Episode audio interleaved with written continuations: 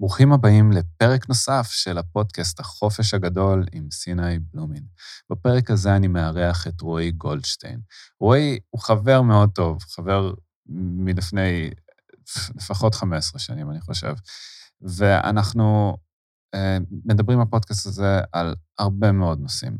רועי הוא מוזיקאי, הוא צייר, הוא אמן באופן כללי, אבל הוא גם טבח, והוא אה, שליט מבוכים, ועכשיו הוא גם סופר. ובפרק הזה אנחנו מדברים על מה הוביל אותו לעשות את השינויים הקיצוניים שהוא עבר בחיים שלו, להוריד חצי מהמשקל שלו ולשנות לחלוטין, לחלוטין את סגנון החיים ואת התפיסת עולם, כדי לחיות חיים שהם חופשיים יותר, בריאים יותר, טובים יותר. ורועי מציג את הסיפור המלא בספר שלו, שכרגע נמצא בתהליך של גיוס המונים. אה, בפרק הזה אנחנו מדברים על הספר, ואנחנו מדברים על מה הוביל אותו לכתוב את הספר. אה, אני כבר אומר אבל, שבתיאור של הפודקאסט תוכלו למצוא קישורים אה, למוזיקה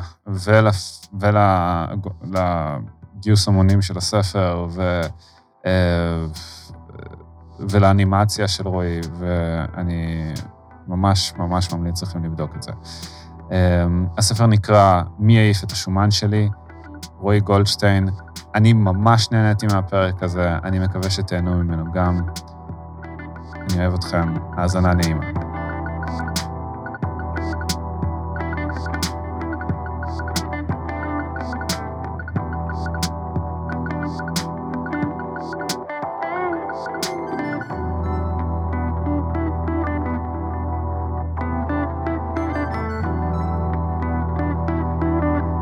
היי, רועי. מה המצב? מה המצב איתך? ברוך הבא לפודקאסט. תודה, תודה רבה, כיף להיות פה. אני מת על הפודקאסט הזה, דרך אגב. וואו, אני תודה. שמעתי את כל הפרקים, לא נכון.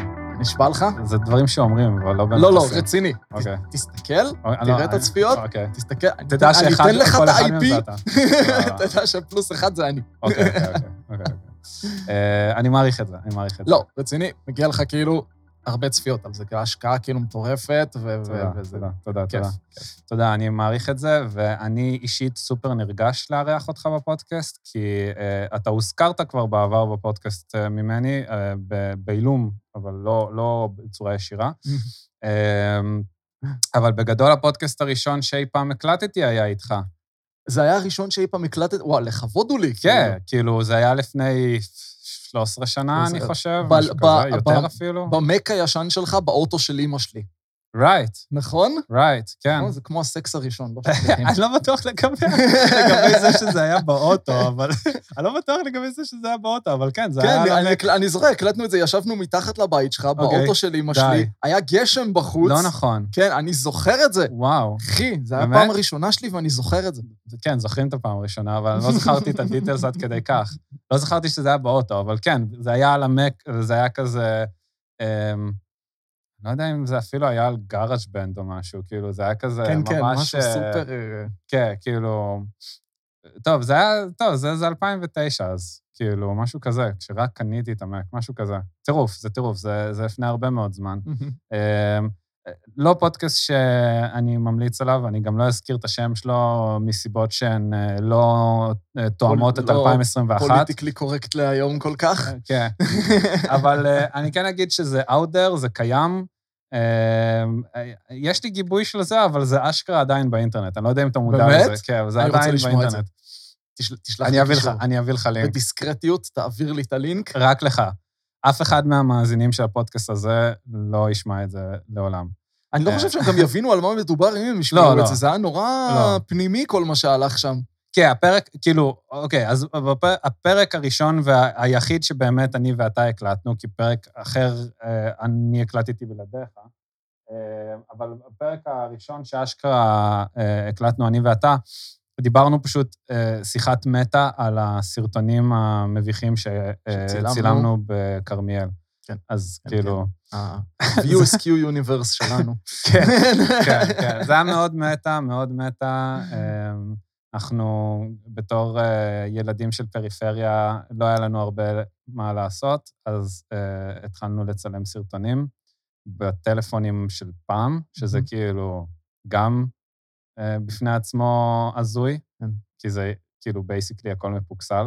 וזה כולל השמדות של מסכי מחשב ומזגנים ישנים למיניהם. כן, כן, ו... אמ, רמת משחק שלא תבייש שום, אה, שום טקס אוסקר או... היי, מריל סטריפ the shit, אחי. כן, כן. אין ספק שאתה היית השחקן הכי טוב שם, אבל אתה גם מישהו שמנוסה במשחק, אז אה, כאילו... חמש יחידות תיאטרון, כן. בבקשה, גימנסיה קריות, represent. כן, represent. זה מצחיק. אה, אז זהו, אז אני, אני קצת אציג אותך, אה, ואז תציג את עצמך, כאילו... כי אני תמיד מציג די גרוע. אני מרגיש שאני מציג גרוע את כל, את כל האורחים, אבל אני, אני כבר מרגיש שזה הופך להיות קטע. אני פשוט אמשיך להציג גרוע, ואז אנשים שמתארחים פה ייאלצו להתמודד עם זה ולהגיד כאילו, אוקיי, כן, או, "אה, תשמע, אה. ברוב הסיכויים שזה יהיה מדויק, לא- אני לאו דווקא אעשה עבודה טובה. אוקיי, אז, אוקיי, אז קודם כל אנחנו חברים באמת המון זמן. אתה אחד, אם לא החבר הכי ישן שיש לי איתו קשר פעיל היום, אה, כאילו, ליטרלי 15 שנים לפחות, משהו כזה. ויותר, כן, יותר כן, אפילו. כן. ועשינו הרבה דברים ביחד, עברנו הרבה ביחד, אה, אז אתה חבר טוב וקרוב לי. אה, אני שמח שחזרנו לקשר, כי כזה נותק לנו הקשר, כי אה, אני גרתי בחיפה ואתה עדיין היית בכרמיאל בזמנו, ועוד לפני זה לא היית בכרמיאל, היית בבאר שבע, ואתה נכון. היית בגרמניה. נכון, ו- ואז הייתי בגרמניה, ואז היית בכרמיאל, ו...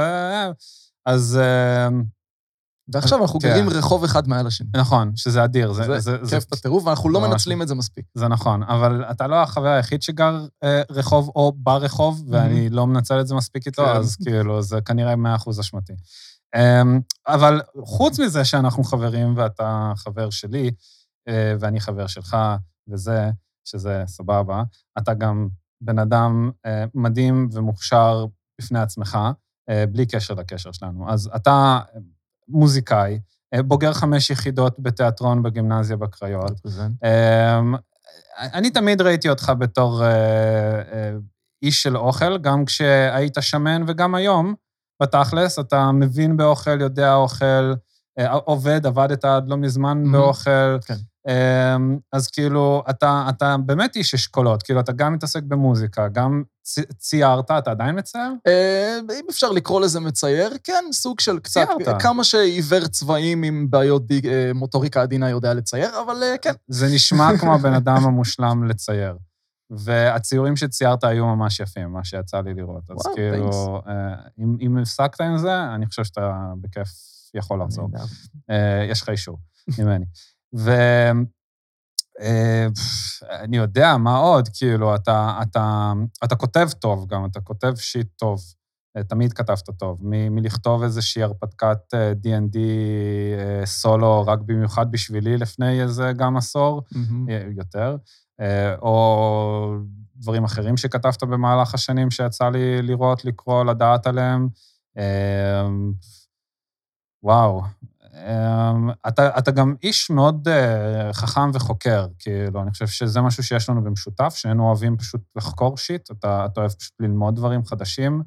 אה, אוטודידקט זה, זה בלשון המעטה, כאילו, כי אתה ממש, אה, אתה באמת יודע ללמוד ולחקור את ה shit שלך לבד, וזה זה מגניב, זה, זה מאוד מרשים.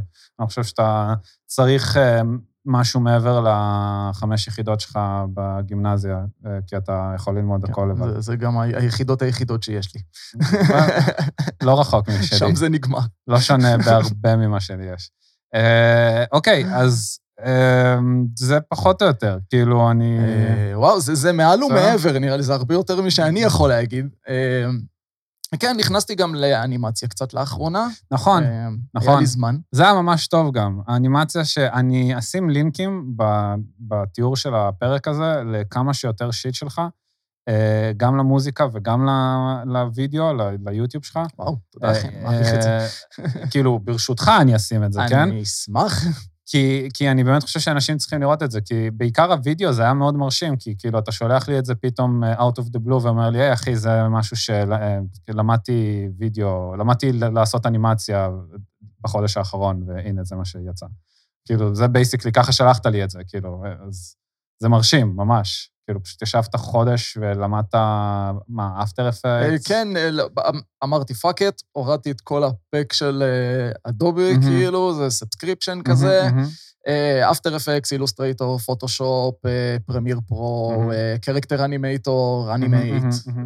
והיה לך ניסיון עם משהו מזה מהעבר? טיפה פוטושופ, קצת פוטושופ, והבת זוג שלי, הדס הנהדרת, עזרה לי המון, כי היא ציירת סופר מוכשרת ציירת, ומקעקעת, וגרפיקאית מדהימה, והיא עושה דברים סופר יפים. shout out בהדס. כן, כן, definitely. והיא ציירה את כל, ה... את כל הספרייטים, את כל ה... את הרקעים, וזה, היא ציירה את הכל, ואני חיברתי אותם והנפשתי אותם, ו... וכדומה. היא לימדה אותי גם קצת להשתמש באילוסטרייטור, ועשיתי גם קורס די נרחב על כל התוכנות האלה, כדי פחות או יותר להשיג את מה שרציתי לעשות שם. קורס כזה, מה, יוטיוב, יודמי? יודמי, עשיתי קורס קצר יותר ביודמי, ואז מלא מלא חרישה על יוטיוב, ישיבה חזקה על כאילו כל מיני ערוצים של ספציפיים יותר, אילוסטרייטור ו... וכדומה. נו, הנה, אני אמרתי, אתה לא צריך, אתה לא צריך יותר מהחמש יחידות האלה בתיאטרון. אתה פשוט לא, אתה לא צריך את זה, אתה יכול ללמוד הכל לבד. כן, זה, זה מה שעצוב בבית ספר. נניח, זה, זה skill שמאוד הייתי שמח ללמוד בבית ספר, אבל לא מלמדים את זה משום מה. משום, משום כאילו מה... יש כמה בודדים שמלמדים בהם אול, את זה. אולי היום, בתקופה שלנו לא, לא היו דברים כאלה בכלל. אה, לא, לא ממש. למרות שבקידום נוער, כן, קצת. בקידום נוער, בהילה. הייתי צריך ללכת לקידום נוער. כן, כאילו, שם אני סיימתי את הלימודים שלי, ושם קצת כן, קצת היה, היה מורה למחשבים שקצת לימד פוטושופ וכאלה. לא, לא נראה לי שהיה לנו מחשבים בכלל בבית ספר. היה פינת עישון, זה כל מה שאני זוכר. בגימנזיה.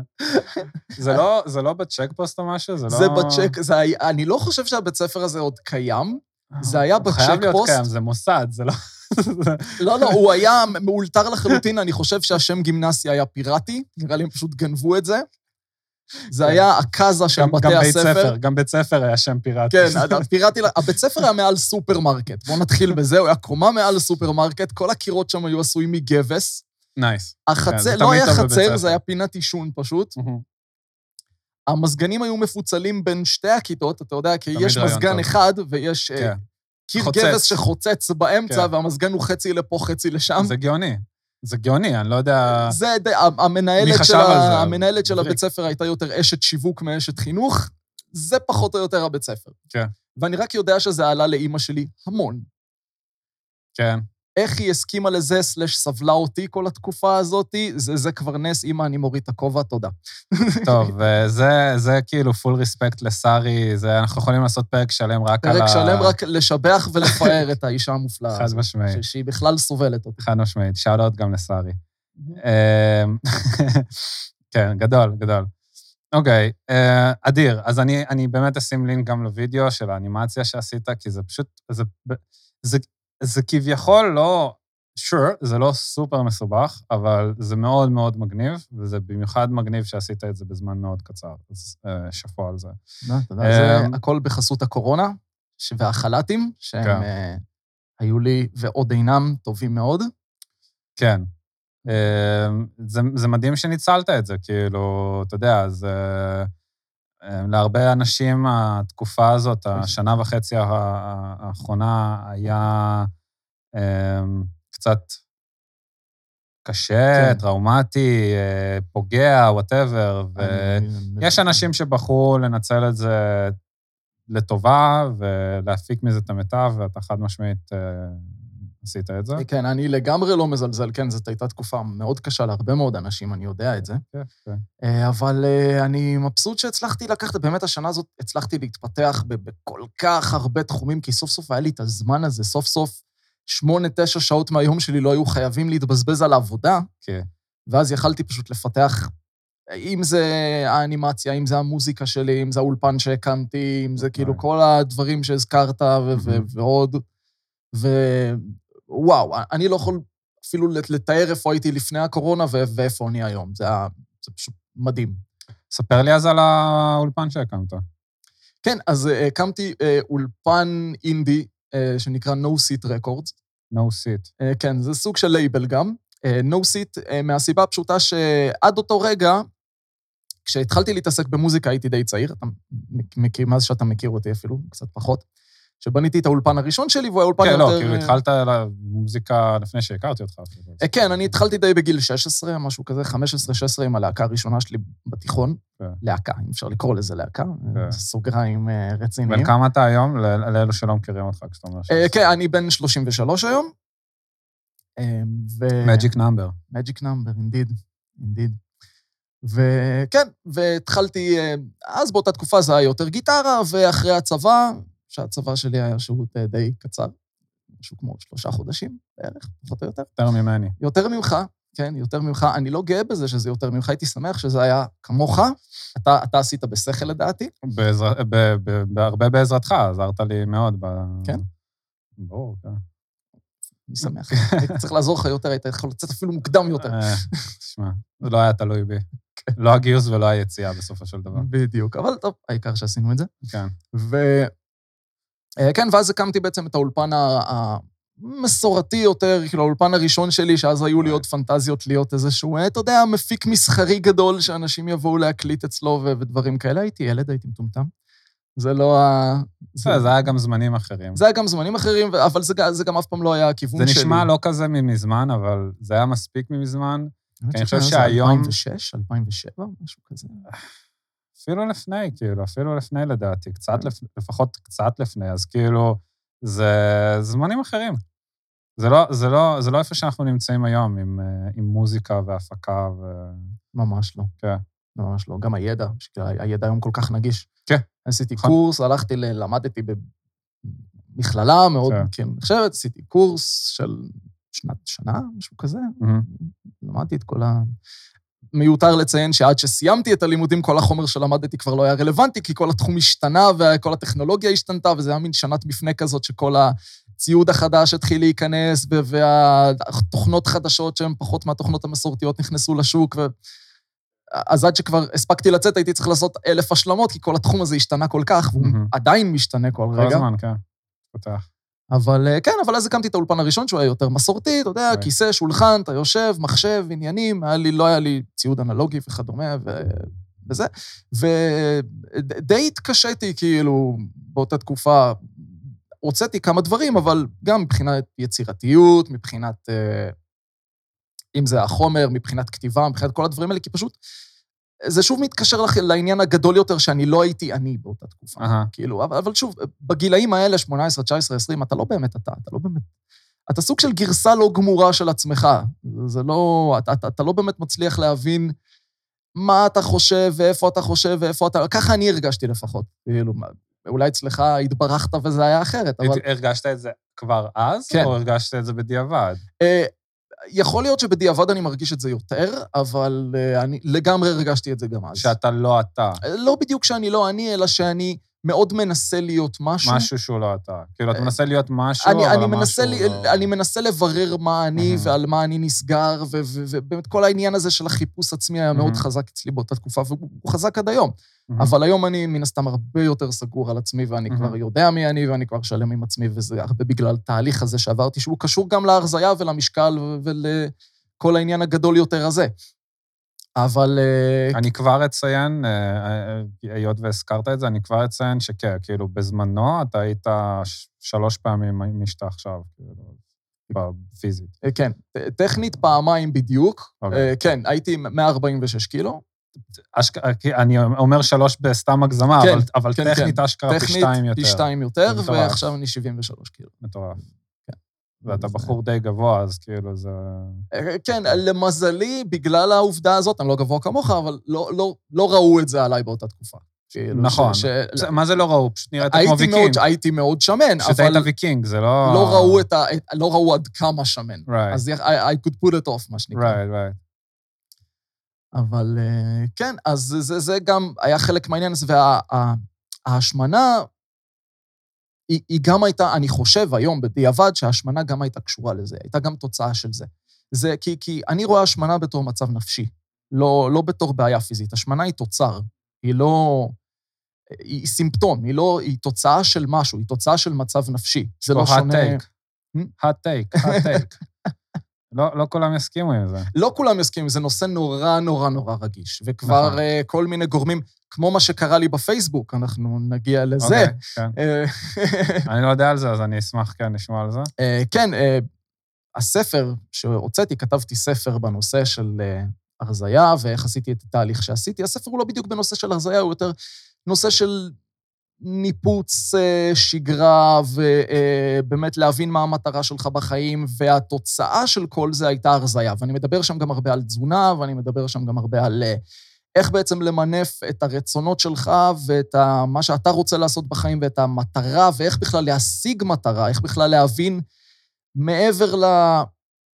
לחברה שאנחנו חיים בה ולציפיות של התרבות ולכל הדברים האלה, מה שמכתיבים לנו, איך אנחנו בעצם יוצאים מזה ומנסים להבין מה המטרה האותנטית שלנו, מה אנחנו מנסים להשיג mm-hmm. מעצמנו, וכתוצאה מהאיזון שאנחנו משיגים בהגשמה העצמית שלנו, איך אנחנו גם מורידים במשקל תוך כדי. Mm-hmm. אז הספר הוא די מחולק לשניים, הוא מדבר, החלק הראשון שלו די על הפן הנפשי, ועל כל הפן של המטרה והשאיפות, והחלק השני שלו מדבר על תזונה בפועל.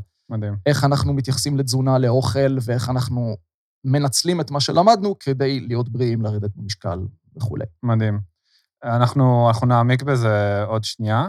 אה, אני כן אשמח שתסגור את הפינה על אה, בעצם איך הסטודיו כן. הפך להיות לסטודיו שיש לך היום. כן, תודה, אני מתפזר נורא, תודה, זה, זה טוב, טוב מה, מה שאתה עושה, אני נהדר. תורם, אני תורם לפיזור, בגלל אתה... זה אני משתדל לתרום גם לסדר. אתה נהדר, הייתי מתפזר פה אה, לאלף כיוונים. הכל טוב. אז אה, כן, אז זה בעצם, אז הסטודיו הראשון שלי די שיקף את החוסר ודאות שהיה לי אז. הלכתי right. לחנות, קניתי, אה, הוצאתי הון עתק על ציוד שאני בכלל לא צריך, כמו mm-hmm. שהרבה עושים. כן. ושדי נתקעתי איתו הרבה שנים אחר כך, ולא לא היה לי כיוון, לא ידעתי מה, מה לעשות איתו. הוא ישב, הוא צוואר אבק, אה, גם החיים הקודמים שלי, אחר כך לקחתי אותו איתי. אה, גרתי בבאר שבע באותה תקופה, הייתי נשוי, אה, זוגיות לא מוצלחת במיוחד, בלשון המעטה. וכל זה היה גם חלק גדול מכל העניין הזה, והוופ הסטודיו פשוט ישב שם, ולא לא נגעתי בו יותר מדי, לא, לא מצאתי את הרצון, היכולת, ההשראה, או הכוח, או האנרגיות בכלל לגשת לזה, ואיך די דיכא אותי כל העניין מסביב, וכל ה... Uh, בכללי הרגשתי שהחיים שלי לא, לא באמת הובילו לשום מקום, mm-hmm. הייתי די תקוע. Mm-hmm. ואני חושב שבמקום מסוים ניסיתי לרצות את הסביבה ולרצות את מי שמסביב וכולי. יכול להיות שיש פה איזשהו עניין פסיכולוגי שאני לא מבין בו במיוחד, פסיכולוג אני לא. אני בטוח שאפשר לפרק את זה, אבל זה גם יהיה להיכנס יותר מדי לעומק של החיים, החיים האישיים שלך, שאני חושב שזה אה, מיותר mm-hmm. לשיחה הזאת. כן. וגם אה, אני חושב שזה אה, פחות רלוונטי ל... לפתרונות שאתה מציע, כי אני חושב שהתהליך שעברת והפתרונות שאתה מציע בזכות התהליך שעברת, זאת אומרת, הדברים שלמדת ואתה עכשיו רוצה להעביר הלאה, אה, אין להם קשר ישיר בעיניי להשפעות הפסיכולוגיות שגרמו לך להגיע למקום שהיית בו. ככה אני רואה את זה. Mm-hmm. כי אני חושב שמה שאתה עשית הוא דבר, התהליך שעברת הוא תהליך שאני מאוד תופס ממנו, דווקא בגלל שאני חושב שהוא הוא, הוא אוניברסלי. אני חושב שמה שאתה מציע, אה, את הסיפור של איך עשית את השינוי, אתה יכול להציע לכולם. זה, זה יותר אוניברסלי מה, מההיסטוריה והפסיכולוגיה של מאחורי למה הגעת לאן שהגעת. Mm-hmm. בגלל זה אני חושב שזה פחות חשוב לשיחה בין כה וכה. זה, זה נקודה מאוד נכונה, זו נקודה מעניינת, כן, זה, זה, זה, יש מצב שאתה צודק. Mm. אני מקווה מאוד שאתה צודק, כי בסך הכל המטרה שלי עם הספר הזה, בנוסף למן הסתם למכור את הספר, זה באמת, מקווה שזה יכול לעזור לאנשים, מקווה שיכול לעזור לאנשים שהיו במצב שלי, ושיוכלו באמת למצוא את עצמם. אה, וכן, חזרה לעניין הסטודיו, אז זה היה הסטודיו הראשון שלי, ואחרי שעברתי את כל התהליך הזה, ועברתי לחיפה בעצם, אחרי גירושים, הייתי אצל אה, חזרתי לבית של אה, אימא שלי שנה וחצי, תודה אימא, שוב. shout out לשרי. כן, definitely. אז uh, הייתי שם בזמן שבאמת התאפסתי על עצמי, ושם התחיל כל ההתפכחות שלי והמצאתי את עצמי, בעצם ניסיתי להמציא את עצמי מחדש. ואז כשעברתי לחיפה, בניתי את הסטודיו החדש שלי, שנקרא No Seat אה, Records, זה הלייבל וגם הסטודיו, וכולו בעצם שיניתי פאזה לחלוטין, הכל ציוד אנלוגי, אה, מעט מאוד פלאגים, מעט מאוד אפקטים שהם דיגיטליים יותר, אה, שהם וירטואליים יותר. הסטודיו, אין בו כיסא, אין כיסא בכלל בכל הסטודיו. No seat. No seat, בדיוק. No seat. הכל בנוי על מין מדפים צפים כאלה, ש... הכל נעשה בעמידה, הכל תוך כדי תנועה, אין... סטודיו מאוד כיפי, אני חייב להגיד, וגם הוא מאוד מזמין לשיתוף פעולה. כאילו, כשניגנו ביחד בסטודיו שלך, זה מאוד נוח, זה מאוד מזמין, בגלל שהוא לא דורש ישיבה, ובגלל שכל הציוד בנוי על, אמ, על אה, מדפים וקומות, ו, ו, וגם לרוחב וגם לגובה, אז זה באמת ממש נוח. כאילו, שני אנשים יכולים בכיף לתפוס פינה, אה, אני הייתי על, ה, על, ה, על ה beat, כאילו, על ה drum machine, ואתה כאילו על הסינטים, וזה כאילו, זה מאוד נוח, זה מאוד מזמין גם אחרים, שזה נראה לי, אני לא יודע אם זו הייתה הכוונה בין היתר, אבל זה כאילו חד משמעית feature מגניב, כאילו שאני, נגיד, הנה, אתה נמצא בסטודיו שלי, mm-hmm. קשה יותר לעבוד פה עם עוד מישהו, כאילו, בטח אם היה לי עכשיו שורה של ציוד על השולחן הזה, היה לנו פחות נוח לעבוד עליו, כי זה פשוט שולחן, וזה לשבת, ו... ואצלך זה באמת הרבה יותר מזמין גם לעבודת צוות, שזה mm-hmm. איזשהו extra feature מגניב שאני יכול להעיד עליו. אה, כן, אני, אני לא שמתי לב לזה עד שבאמת אתה הגעת ואנחנו כן. עבדנו ביחד. כן. שזה, שזה באמת, היה כן, לי מאוד זה, כיף לגלות כן, את זה. כן, זה כי, כי בדרך כלל באמת סטודיו בנוי במחשבה שאתה בונה את זה כאילו נטו לנוחות שלך, ובדרך mm-hmm. כלל באמת סביב הרעיון של אני יושב פה, ופה המחשב, ופה זה, ואולי כן. פה בצד אני אשים איזה סינט, אבל אצלך זה ממש, הסטודיו הוא מדפים על הקיר, אין ישיבה, mm-hmm. וזה מאוד מזמין לפעולה ומאוד נוח. אה, אני, אני נורא אוהב, נורא אוהב את מה שעשית. איזה כיף. כן.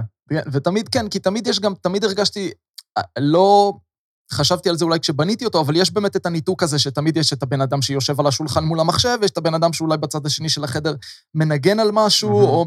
אה, תמיד יש את הניתוק הזה, וזה לא באמת, אין את ה flow שנותנים vibe אחד לשני, mm-hmm. כאילו. Mm-hmm. ו- וזה באמת היה בג'מים שעשינו, שאנחנו mm-hmm. צריכים לשחזר, דרך אגב. ואולי הפעם להקליט את זה. הפעם הבאה שאנחנו עושים ג'ם, שבעזרת השם זה יהיה בקרוב, חד משמעית, אנחנו חייבים להקליט את זה, ולו כדי להוציא את זה raw as is. definitely. לא נוגעים. כי זה פשוט טוב, זה פשוט טוב, ויש לך ציוד כיפי, וזה אה, shit טוב יוצא ממנו, אז, אה, ומהסטודיו, אז סטודיו מאוד כיפי. אמ, ואני חושב שזה מאוד מגניב. וגם אני אשמח שתספר קצת על המוזיקה עצמה שאתה עושה, כי אני חושב שגם אתה עושה יש לך כמה פרויקטים ודברים שאתה עושה לבד, דברים שאתה עושה עם הדס, mm-hmm. ואני חושב שזה מאוד מגניב. אה, עצם זה שיש לך כמה פרויקטים, וכאילו, אני אשמח שתספר קצת על הפרויקטים שלך, אם אתה אה, רוצה. בכיף, כן, נשמח. אז הפרויקט הראשי שלי נקרא וורשיפ. הוא בעצם סוג של post-punk industrial, אבל בעברית, אה, הסע, ה... אני לא יודע לשיר, אף פעם לא ידעתי, לצערי הרב, אין לי קול. אמ, אז הוא יותר סוג של אה, הקראה, דקלום slash ראפ, לא יודע אם אפשר לקרוא לזה ראפ. זה... באיזשהו מקום זה ראפ, כן, אני חושב שכן דווקא. כן, זה יותר כן. סוג של spoken word אה, כן. שכזה, עם ביטים שלקוחים הרבה מעולם ה industrial, ה-EBM, עם קצת טאצ'ים של היפ-הופ, קצת טאצ'ים של מטאל, אבל הרבה אלקטרוני, הרבה סאונדים יותר מינימליסטיים, חשופים, אנלוגיים, אה, והתוכן הוא מאוד פוליטי. Mm-hmm. אני מדבר על הרבה דברים שמפריעים לי... פוליטי-חברתי. פוליטי-חברתי, כן. כן. Mm-hmm. מדבר על הרבה דברים שמפריעים לי מבחינת, אה, אם זה התרבות שלנו, אם זה כסף, קפיטליזם חזירי ששולט לצערי בעולם הזה, איכות סביבה, דברים שנוגעים בי אישית. זה פרויקט אחד. הפרויקט השני הוא יותר קליל, הוא יותר סינט פופ אה, קופצני כזה עם נגיעות של טכנו, גם סאונדים יותר אנלוגיים חשופים כאלה. שנקרא מיקסי סילבר, שם שרה סלש מדקלמת הדס, הבת זוג שלי, והיא גם בנתה את הדמויות, יש דמויות נורא חמודות, וורשיפ הוא סוג של כבש, כי הוא די משקף את, הוא כבש שחור. הוא כבש שחור. זה לא סתם כבש, זה כן, כבש שחור. הוא כבש שחור, שהוא די משקף את איך שאני מרגיש. כמובן. ומיקסי היא... הוא גם הכוכב של האנימציה. כן, הוא גם הכוכב של האנימציה, של הפודקאסט, נכון. ויש לו אופי מאוד מאוד ספציפי בפודקאסט, ומיקסי היא ארנבת. היא ארנבת פמיניסטית, התכנים של השירים הם יותר... הם מדברים מאוד על מעמד האישה, מדברים על פמיניזם, על האישה בעולם שלנו היום, במדינה שלנו, ועל כל התחושות הפנימיות. הדס גם כותבת את הטקסטים, אני עוזר, אני... וזה גם בעברית? לא, היא שרה באנגלית. ו... וזה באמת נושאים שיותר נוגעים, נוגעים אליה, וזה דברים שהיא רצתה להוריד מהלב, ואני ממש ממש שמח ש... שהיא עושה את הפרויקט הזה, והיא מעבירה, והם נורא כיפים וחמודים ומתוקים, השירים האלה, אבל בנוסף יש להם פן מאוד עוקצני, ואני חושב ש... שיש לו פוטנציאל. הגענו למשהו מאוד מאוד מאוד מגניב שם, ואני מאוד מבסוט עליו. זה מאוד מגניב. אני, אני חושב ששני הפרויקטים מגניבים, כאילו, שמעתי את שניהם ואני חושב ששניהם מגניבים, ואני אישית נורא נורא אוהב את העובדה שוורשיפ זה בעברית. אני, אני פשוט אישית נורא אוהב שאומנים ישראלים אלטרנטיביים, כאילו, ואלטרנטיביים אפילו קיצונית, עושים uh, מוזיקה בעברית, אני נורא אוהב את זה. אני, אני חושב שזה הגיוני uh, ו, וטבעי יותר. יש לי פשוט, uh, בתור מישהו שבא מהסצנה של הפאנק, uh, סגור, סגור, סגור מרכאות שהתחילו לפני שאמרתי את זה, uh, זה, זה כאילו לפעמים קצת uh, מוזר שמוזיקה היא באנגלית, כאילו לפעמים... הנושאים הם כל כך אה, מקומיים ורלוונטיים, כן. אבל הם נכתבים באנגלית, וזה כזה... זה מנתק. למה?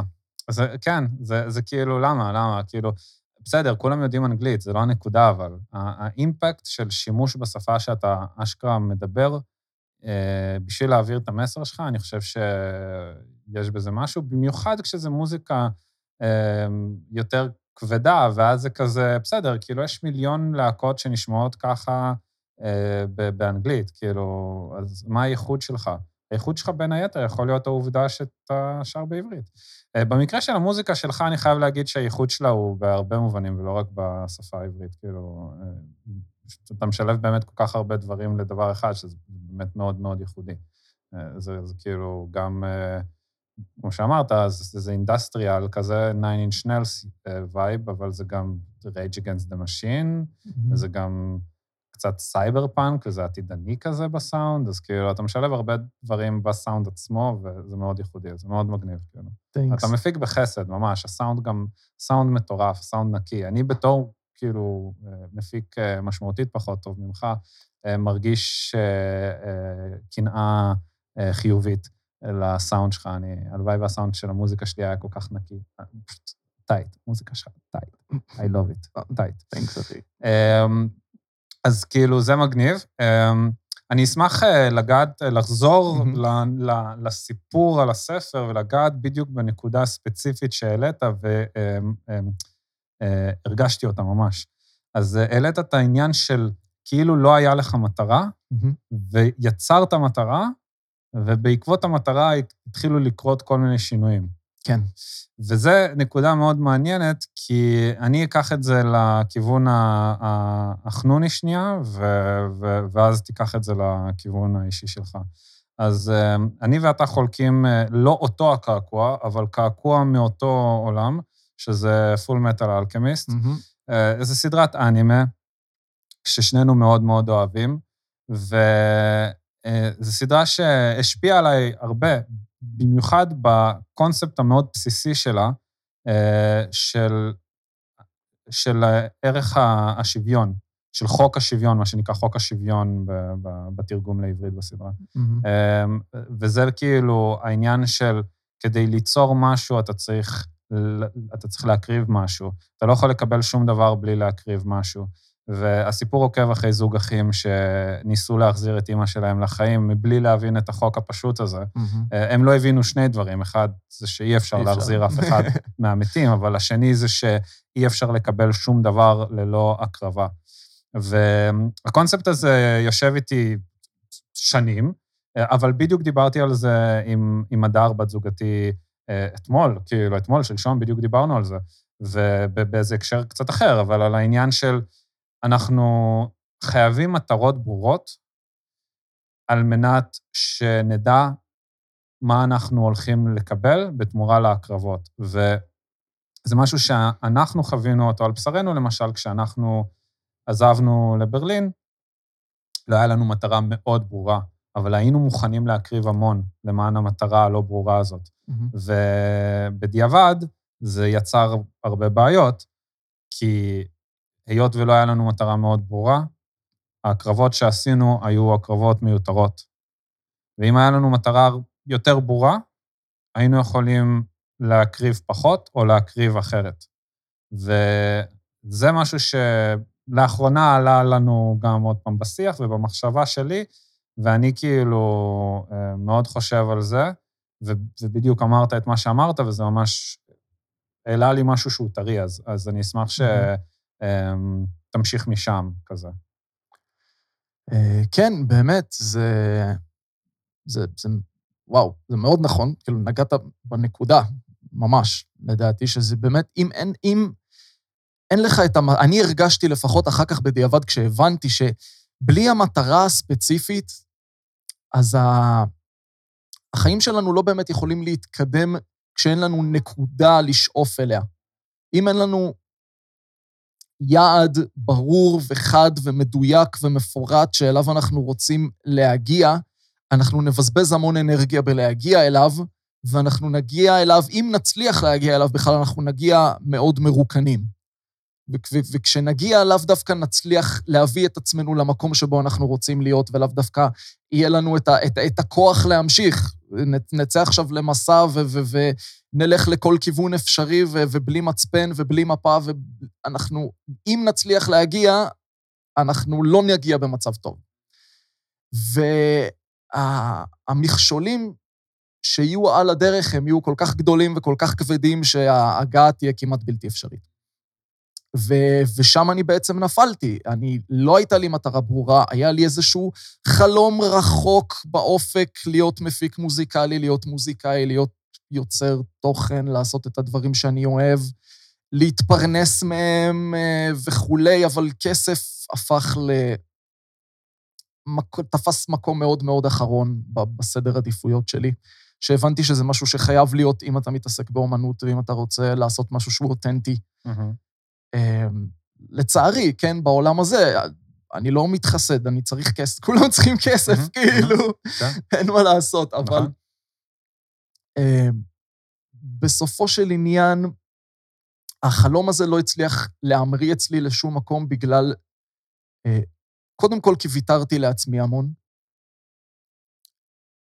תירצתי לעצמי המון, אם זה אה, אין לי כוח, או אני צריך את הציוד הזה והזה והזה, אחרת זה לא יהיה טוב, ואני אעבוד עכשיו כדי לקנות את הציוד הזה והזה, ואני אלמד אה, מחשבים, ואני אשיג עבודה טובה, ואני אעבוד בחברת אה, הייטק, ואני אעשה אה, XYZ כדי שיהיה לי כסף, כדי בעתיד אולי לעשות את הדבר הזה, אבל על הדרך אתה שוחק את עצמך, ועל הדרך אתה לא ישן טוב, ועל הדרך אתה, אתה, אתה עובר תהליכים שהם לא תואמים לאופי שלך ולמי שאתה, כי אתה לא מבין מי אתה בעצם תוך כדי התהליך הזה. והשחיקה הזאת מובילה אותך למצב של ייאוש, מובילה אותך למצב שבשלב מסוים אני פשוט קמתי בבוקר, הסתכלתי במראה, ואני כזה, fuck, מי זה? כאילו, אני לא, לא, לא הבנתי מי מסתכל חזרה, לא, לא ראיתי את עצמי. ואז הגיעה בעצם הכאפה הגדולה, ואז אכלתי סיבוב על כל הסיטואציה שאני נמצא בה, ובאמת, כמו שאמרתי קודם, הפכתי את הכל 180, והתחלתי מחדש, והגעתי לבית של אמא שלי, ושם סגרתי את עצמי בארבע קירות, וישבתי וחשבתי טוב טוב לאן אני רוצה לקחת את עצמי, וש... חידדתי והשחזתי את, ה, את החלום הזה של להיות מוזיקאי ולהיות מפיק לאוקיי, מה פרקטית? מה, מה אני צריך לעשות עכשיו? מה, מה, מה השאיפות שלי? מי אני? מה אני רוצה להגיד? לאן אני רוצה שזה ייקח אותי בעצם? ישבת וכתבת את זה? כן. עשית טבלאות? ליטרלי, כאילו? טבלאות אקסל מהמם. עם אה, חלוקה של היום שלי לשעות, אה, ממש פאי צ'ארט עם כאילו כמה מהיום שלי הולך על עבודה, כמה מהיום שלי הולך על, על XYZ, וכשאני אעבור דירה ויגור אה, לבד, עברתי בסוף, גרתי עם חבר בשותפות, אני עדיין גר איתו. בעצם כמה, איך אני יכול לצמצם את ההוצאות שלי ולהביא את הרמת חיים שלי למינימום האפשרי, כדי שאני אוכל לעבוד כמה שפחות שעות, עדיין שיהיה לי אוכל בבית וכסף לשלם חשמל, כי אולפן צריך חשמל, ו... ושישאר לי מספיק זמן, אנרגיה, כוח ורצון אה, לעשות מוזיקה, ליצור ו- ולקדם את, את הצד הזה שבאמת חשוב לי. וזה זה משהו שאני מסביר בספר, כל התהליך הזה שעברתי, ממש עם הטבלאות, עם, עם כל העניין הזה, אני, את, את כל הצורת חשיבה הזאת, את כל המסקנות שהגעתי אליהן בחדר הזה, אני קורא לזה המסע, זה לא מסע פיזית, זה המסע המנטלי שעברתי בעצם בין הארבע קירות האלה, שהתחיל גם מדברים, שהתחיל מדבר נורא נורא פשוט, התחיל מבעצם לסדר את החדר. אני חייתי בבלגן. הבלגן הזה התבטא לא רק בתוכי, הוא התבטא גם בסביבה, התבטא בחדר שאני יושב בו. הכל היה הפוך ואבק, ו- ו- ודברים היו זרוקים, ו- ובלי קשר לאורח חיים שלי, גם פיזית. אז הכל התחיל מאוקיי, לתפוס שקיות זבל, להתחיל למלא אותם, לסדר את הסביבה כדי שאני אוכל לחשוב. לפנות מקום בחדר כדי לשים בו את עצמי בעצם. וזה היה הצעד הראשון, וזה הוביל לעוד צעד ועוד צעד ועוד צעד ועוד צעד. ובשלב מסוים אתה מבין, אוקיי, כאילו, למה אני צריך את כל זה? למה אני צריך אה, בגדי מותגים, ולמה אני צריך נעליים, ו- ולמה אני צריך את כל הדברים היוקרתיים? נעליים בש- מהשוק עובדות באותו אופן כמו נעל שאני קונה בחנות, כאילו, בגדים יד שנייה הם אותם בגדים שאני הייתי הולך לקנות בחנות אחרת. למה אני צריך להוציא על זה כל כך כסף? אני עובד בשביל הכסף הזה. אני עובד הרבה בשביל הכסף הזה. את ה-50 שקל האלה שחסכתי על חולצה, כי קניתי חולצה ב-10 שקל, אני יכול אה, להשקיע אותם, לחסוך אותם, להשקיע אותם בדברים שאני צריך. זה 50 שקל, זה סט מיתרים לגיטרה. כאילו, אה, דברים כאלה, ואני צריך לעבוד פחות בגלל, ה... בגלל ההבנה הזאת. אז זה בעצם לדעת מה המטרה שלך, הבנתי מה אני רוצה לעשות, והתחלתי ממש להתאים כל היבט בחיים שלי וכל זווית צפייה שלי כדי לנסות להביא את עצמי למה שאני רוצה להיות.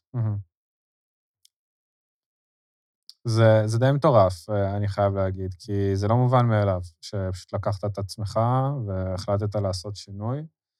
אמ, ו, וגם עשית את זה, כאילו, אמ, במין מצב כזה שבו הרבה אנשים אה, בוחרים לעשות בדיוק הה- ההפך, כאילו, ללכת לקומפורט זון ו- ולא לעשות שינוי, כי אחרי אה, גירושים ומעבר דירה חזרה לאימא ודברים כאלה, אה, הרבה אנשים פשוט כזה נתקעים. לא, לא מצליחים לצאת מזה ולעשות שינוי אמיתי, ואתה להפך, כאילו, לקחת את זה בדיוק למקום של, אוקיי, כאילו, זה הזמן לעשות שינוי, אה, עכשיו מה השינוי שאני רוצה לעשות, והתחלת להגדיר את השינוי ואת המטרה לשינוי. אה, זה מטורף, זה ממש מרשים שעשית את זה. ו, וכאילו, כן, כמו שכבר אמרת, וגם אה, אה, שם הספר בעיקר רומז על כך, שעדיין לא הזכרת אותו אה, בפודקאסט. the נכון. וואי, אני משווק כל כך גרוע. כן. זה אה, נורא. אבל זה בדיוק הזמן להגיד את זה. כן. אה, שם הספר הוא, הספר נקרא "מי העיף את השומן שלי", וזה שם בעצם בראש ובראשונה את העניין הדיאטי, או המשקל. אה, אז בוא, בוא אולי תספר קצת גם על איך עשית ספציפית את השינוי הזה, מהמם. וגם אה, למה בחרת לשים את זה בתור, כאילו, כי בכל זאת, כמו שאמרת, הספר מדבר גם חצי על פן פסיכולוגי וחצי על פן מעשי. אה, אבל לאו דווקא על דיאטה ו- ושינוי של, ה- של הגוף. אז למה דווקא זה השם של הספר ולמה זה דווקא זה ב- אה, כן. בפרונט? זה, אני חושב שזה השם של הספר, כי משקל הוא משהו שמדבר להרבה אנשים. Mm. זה משהו שהרבה אנשים אובססיביים לגביו, מהמם. והרבה אנשים לא באמת מבינים, לא באשמתם, כי לא מלמדים אותנו את זה, אף אחד לא, לא מסביר את זה, אף אחד לא אה, מעביר את זה בתור, בטח לא חברות שרוצים לשווק כל מיני מוצרי דיאטה, או כל מיני דיאטות מפורסמות וכדומה. הם לא משווקים את העובדה, הם לא מיידעים אותנו שמשקל תלוי מאוד במצב הנפשי שלנו. מעבר למה שאנחנו אוכלים. מה שאנחנו אוכלים הוא תוצאה של המצב הנפשי שלנו. הגוף שלנו לא מכיר אוכל, המוח שלנו לא יודע מה זה אוכל. הוא מכיר הורמונים, הוא מכיר כימיקלים. זה לא, זה לא מעניין אותו אם זה עוגה. הוא מקבל סוכר, הוא מעלה אינסולין, וואו, זה מרגיש טוב. כאילו... אבל כשזה יורד, קורה בדיוק ההפך. אנחנו חסרי אנרגיה, אין לנו כוח לעשות כלום, וזה, שוב, זה פוגע גם במצב הנפשי שלנו, זה מעגל.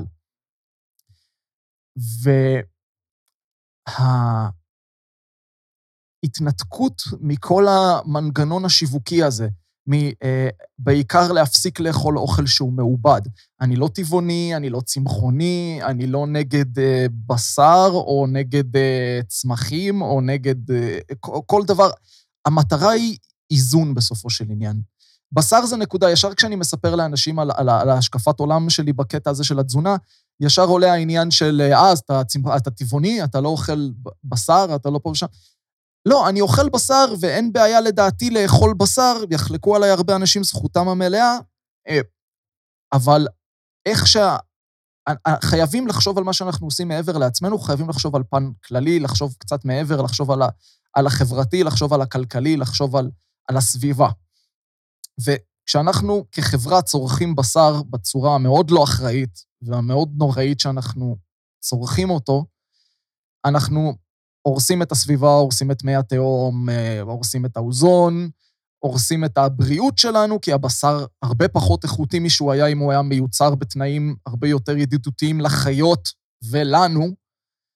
אה, אז אני מפחית את הצריכה שלי של בשר. אני אוכל בשר פעמיים, שלוש בשבוע מקסימום, מנות מאוד די מדודות, ולדעתי זה מספיק, זה מספיק לי בכל מקרה, יעיד גם הרופא שלי, בדיקות דם שאני עושה בקביעות וכדומה, הכל תקין.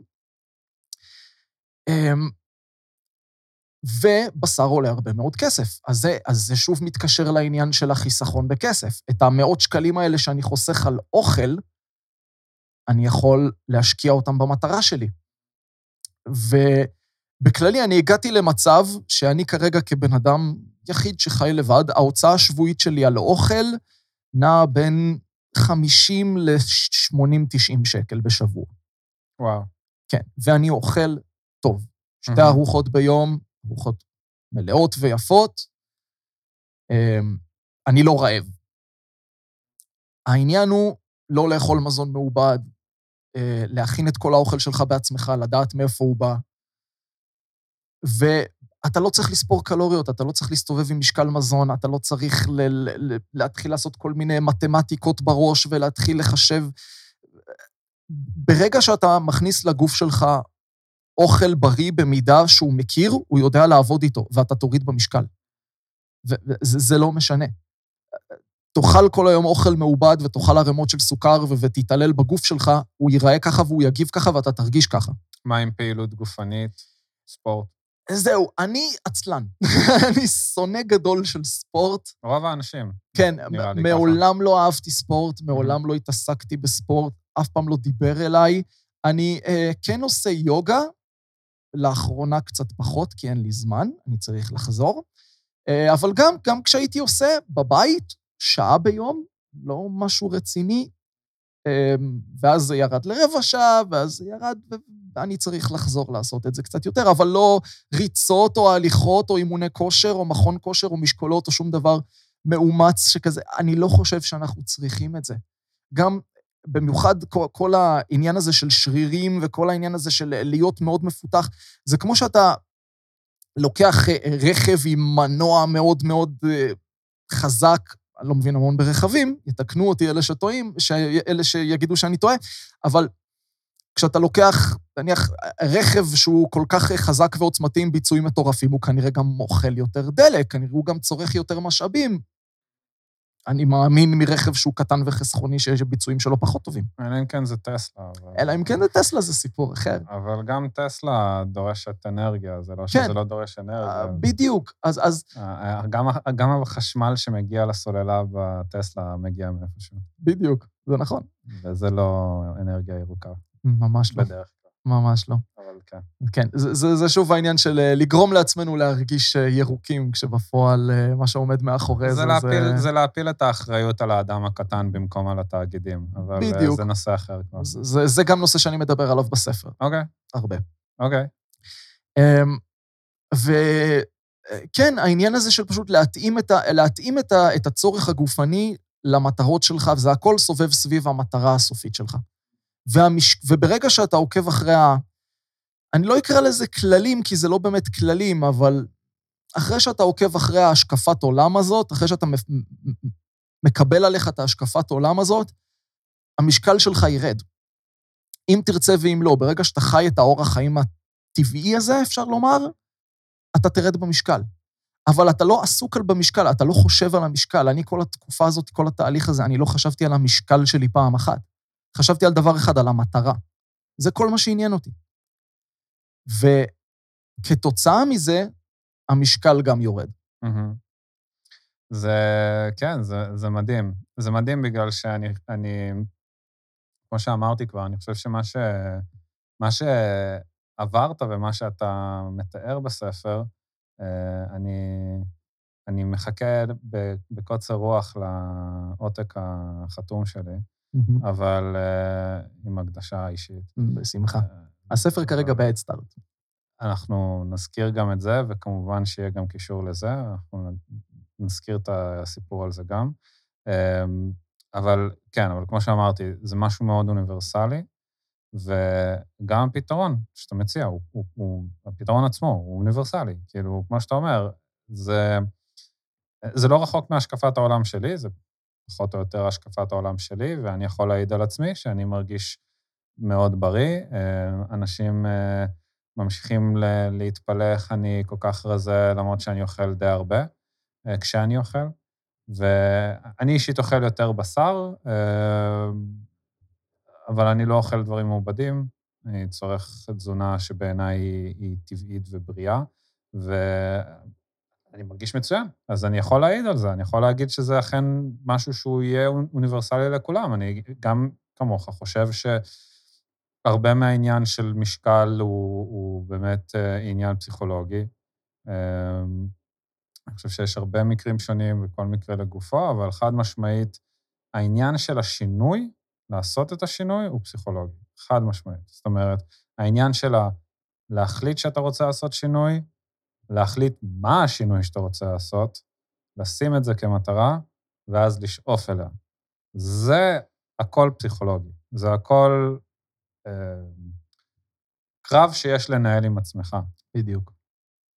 וזה מגניב ומרשים שזה קרב שניהלת בהצלחה, בהצלחה כאילו, ועצם זה שאתה גם מציע משהו שהוא... הוא מנטלי ואפילו לא קורא לפעילות גופנית ולא קורא לדיאטה מאוד ספציפית. אמ, זה באמת, השינוי הוא ליטרלי בא מבפנים. כן. כאילו, וזה אדיר בעיניי. אני חושב שזה זה, זה דבר שהוא על פניו פשוט, ואפשר לתאר אותו ולהסביר אותו ככה בפשטות, אבל אני חושב שאנשים אוהבים לקרוא דברים כאלה, אנשים אוהבים ספרים מהסוג הזה, אמ, ואני חושב שאנשים באמת אה, יכולים ליהנות מהספר הזה לגמרי. אז בוא תספר קצת על ה-Head Start, mm-hmm. שבעצם אה, הקמת בשביל להוציא את הספר הזה. כן, אז אה, לגבי העניין של הפרסום והשיווק, התחלתי להיכנס אליו עם העניין של ההדסטארט.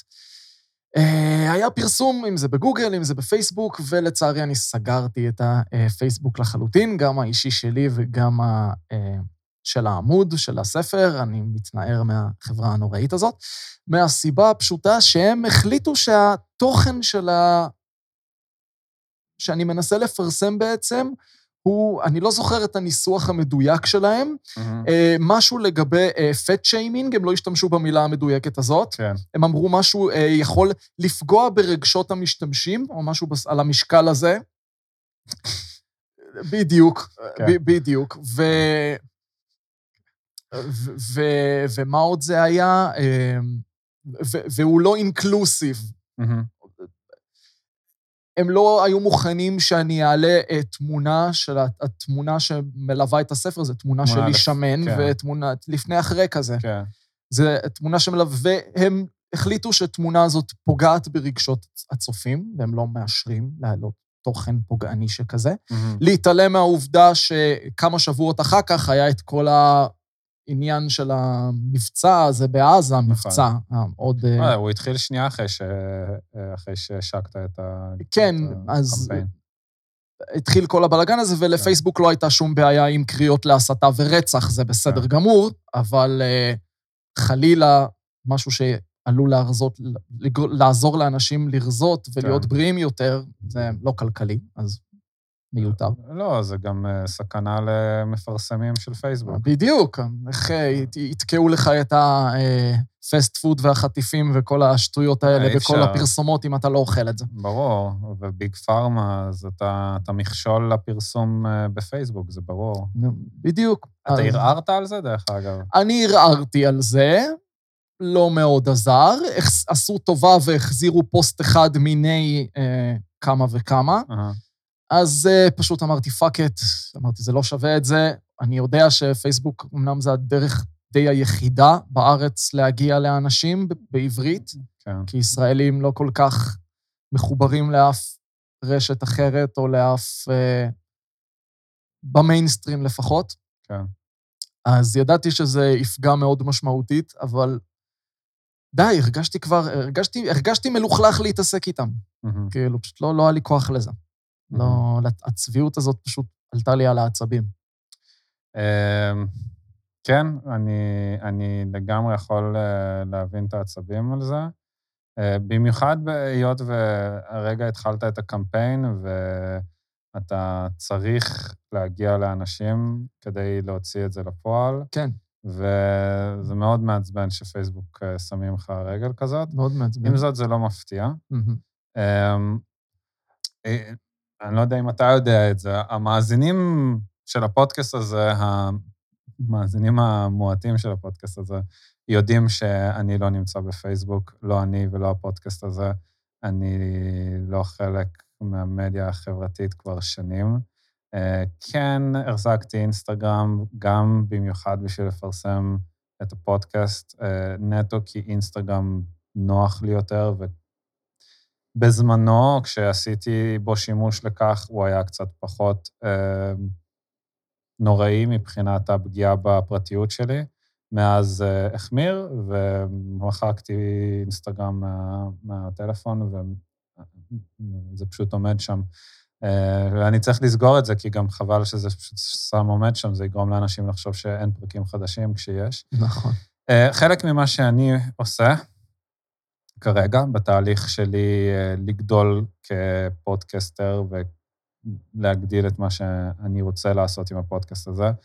אה, זה לבנות קהילה שהיא עצמאית, ללא צורך בפייסבוק או אינסטגרם או טיק טוק או whatever. Mm-hmm. חלק מזה בעזרת קבוצות טלגרם, דיסקורד, מטריקס, whatever. nice. כל מקום אחר שהוא מבוזר ומאפשר לי, לא שדיסקורד מבוזר, אבל אה, גם לא טלגרם, אבל mm-hmm. זה פלטפורמות קצת יותר נוחות ופחות אה, דרקוניות כשזה מגיע למה אתה יכול ומה לא לעשות mm-hmm. שם. מטריקס יותר מבוזר, mm-hmm. אה, מאפשר לך לעשות קצת יותר. אה, כל דבר יש יתרונות וחסרונות. זה פחות קל, כן, זה, זה עיקר הבעיה. אבל uh, מצד שני, אני מאוד מאמין בקטע של value for value. אמ, ובפודקאסט הזה, נכון לעכשיו, הוא 100% בחינם. אני לא ביקשתי כסף ולו פעם אחת. אין לי אפילו קישור לפייפל או שום דבר אחר, בטח שלא ספונסרים. ספונסרים, אני יכול להגיד שלעולם לא יהיו. אמ, אני פשוט לא מאמין בזה. ברגע שיש לי ספונסרים, ברגע שיש לי מפרסמים, אני צריך לספק אותם. מחויב לתוכן, כן. ואני לא יכול אה, להגיד את מה שאני רוצה ומה לא. אה, הם יקבעו מה אני יכול ומה לא. אז אמ, זה הבעיה בפייסבוק, זה המפרסמים. זה הבעיה באינסטגרם, זה הבעיה, זה מפרסמים, זה כסף. ובגלל זה אני מצטער לשמוע את הסיפור הזה, כי זה מבאס אותי ש... שפייסבוק פוגעים לך בהצלחה כן. שלך. מצד שני, אני שמח שמחקת ויצאת משם, ו... נכון, אמנם הקמפיין אה, סובל מזה, אני לא כן, לא אגיד שלא. אני מבין את זה, כן.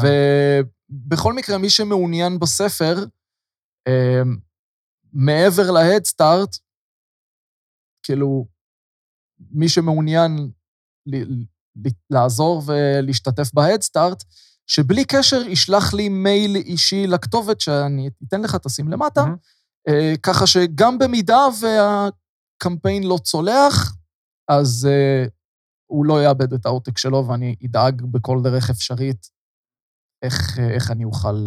Mm-hmm. Well, המטרה של הפרק הזה, בין היתר, זה לגרום לקמפיין uh, כן להצליח, למרות הצנזורה ההזויה, אבל לא מפתיעה של פייסבוק. כן. Um, קודם כל, על ידי זה שמי שמאזין לזה נהנה מהפרק הזה, רוצה לעזור לי ולרועי, תשתפו את זה, תשלחו את זה הלאה, תיפלו על החברים, על משפחה, תגידו להם, היי, hey, זה פודקאסט, מאוד כדאי לכם לשמוע אותו. אם אתם חושבים שכדאי לכם לשמוע, זה המעט שאתם יכולים לעשות. אם אני או רועי נתנו לכם איזשהו ערך, זה הערך שאתם יכולים להחזיר לנו קודם כל. Mm-hmm. ומעבר לזה, אני באמת, באמת חושב שכדאי, אה, למי שהתעניין בזה, מי שמצא את זה בתור נושא שמעניין אותו, ו, או, או מישהו שקרוב לו, כי אני חושב שגם הספר הזה הוא פשוט מתנה מצוינת לבן אדם ש... אתה יודע שהוא רוצה לעבור שינוי, אבל הוא לא מצליח לעשות את הצעד. אני חושב שהספר הזה יהיה מתנה מצוינת, כי אתה פשוט... לא הייתי נותן את זה למישהו שאתה לא יודע אם הוא רוצה לעבור את השינוי או לא. כן, זה יכול להעליב. לא הייתי בא למישהו שמן, כן. ממש שמן, פשוט מביא לו את הספר הזה. תשמע, נראה לי שאתה ממש ממש צריך את זה. לא נראה לי שהייתי עושה את זה. אבל אם אתה יודע שמישהו רוצה לעבור שינוי, והוא לא מצליח לעשות את הצעד הראשון, או שהוא עשה צעד והוא לא הצליח להתמיד, ומשהו שם לא עבד, אני חושב שהספר הזה יכול באמת לעזור ולתרום, ומתנה מצוינת לבן אדם כזה, בין אם זה לעצמך ובין אם זה למישהו קרוב, ככה שבאמת אין דרך יותר טובה לתמוך בך, בספר הזה, ובי, אה, ובפודקאסט הזה. Mm-hmm. כי אה, אם אתם תתמכו ברועי, אתם תתמכו גם בי, באמת. אה, אז יש לך עוד משהו שאתה רוצה להוסיף? כי אני מרגיש שאמרנו כל כך הרבה. כן, האמת שאמרנו המון, והזמן עבר מהר, אני לא שם לב, כן. אבל אני נהנה, אני מרגיש כאילו אנחנו צריכים לעשות את זה די קבוע או משהו. כאילו. בכיף. אנחנו צריכים להתחיל אולי פודקאסט אה, רק אנחנו קבוע, אני לא יודע. יאללה, כאילו, אני בעד. נהנה מזה. אני ממש בעד. תשמע, זה, זה, זה, זה ממש סגירת מעגל, אה, רק שסוג של כאילו לא, כי אני לא, כאילו זה לא יהיה הפודקאסט האחרון. אז זה סגירת מעגל שלי תהיה אם זה היה, כביכול זה אם זה פודקאסט אחרון, וזה ממש ממש לא פודקאסט אחרון. לא שלי, לא שלי איתך, ואני מקווה שגם אם זה לא אתה איתי, אז אני מקווה שאתה גם תמשיך ותתמיד עם הפודקאסט שלך, עם וורשיפ אה, או whatever it is שתעשה בהמשך. אה, קישורים להכל בתיאור של הפודקאסט. אמ, לא בא לי לסיים את זה, אני כן, נהנה כאילו. גם לי, כיף, כיף. אבל, אה, אבל אנחנו נצטרך לחתוך את זה, כי זה הזמן, אה, ואני לא אוהב לחפור לכם יותר כן, מדי. לא, לא נטיש אתכם, לא, לא נטיש אתכם. אני לא אוהב את זה. אה, אני אוהב שזה ישר ולעניין, כולנו נהנים, אנחנו שמקליטים, אתם שמאזינים. תודה רבה, אני אוהב אותך, רועי. אוהב אותך, אחי, ממש תודה על ההזדמנות, ואני אמרתי לך קודם, ואני אגיד לך גם עכשיו, הפודקאסט הזה מדהים, ואתה מדהים, תודה, ומה תודה. שאתה עושה פה הוא ענק. תודה. ואני אהבתי את כל הפרקים עד עכשיו, ואני בטוח שאני אוהב את אלה שיבואו גם. ו- ווואו, אחי, אני כל כך רוצה שהדבר הזה יצליח. זה, זה, זה תודה, אחי. מגיע, מגיע לך ומגיע לזה, ו- וזה חייב, חייב. תודה, אחי, תודה, תודה. אני ממש מעריך את זה, ואני הכי תומך בך ובמה שאתה עושה, אז בפעם האחרונה אני אגיד את זה, לכו, תתמכו ברועי. קישור בתיאור של הפרק. אני אוהב אתכם. ביי. ביי ביי.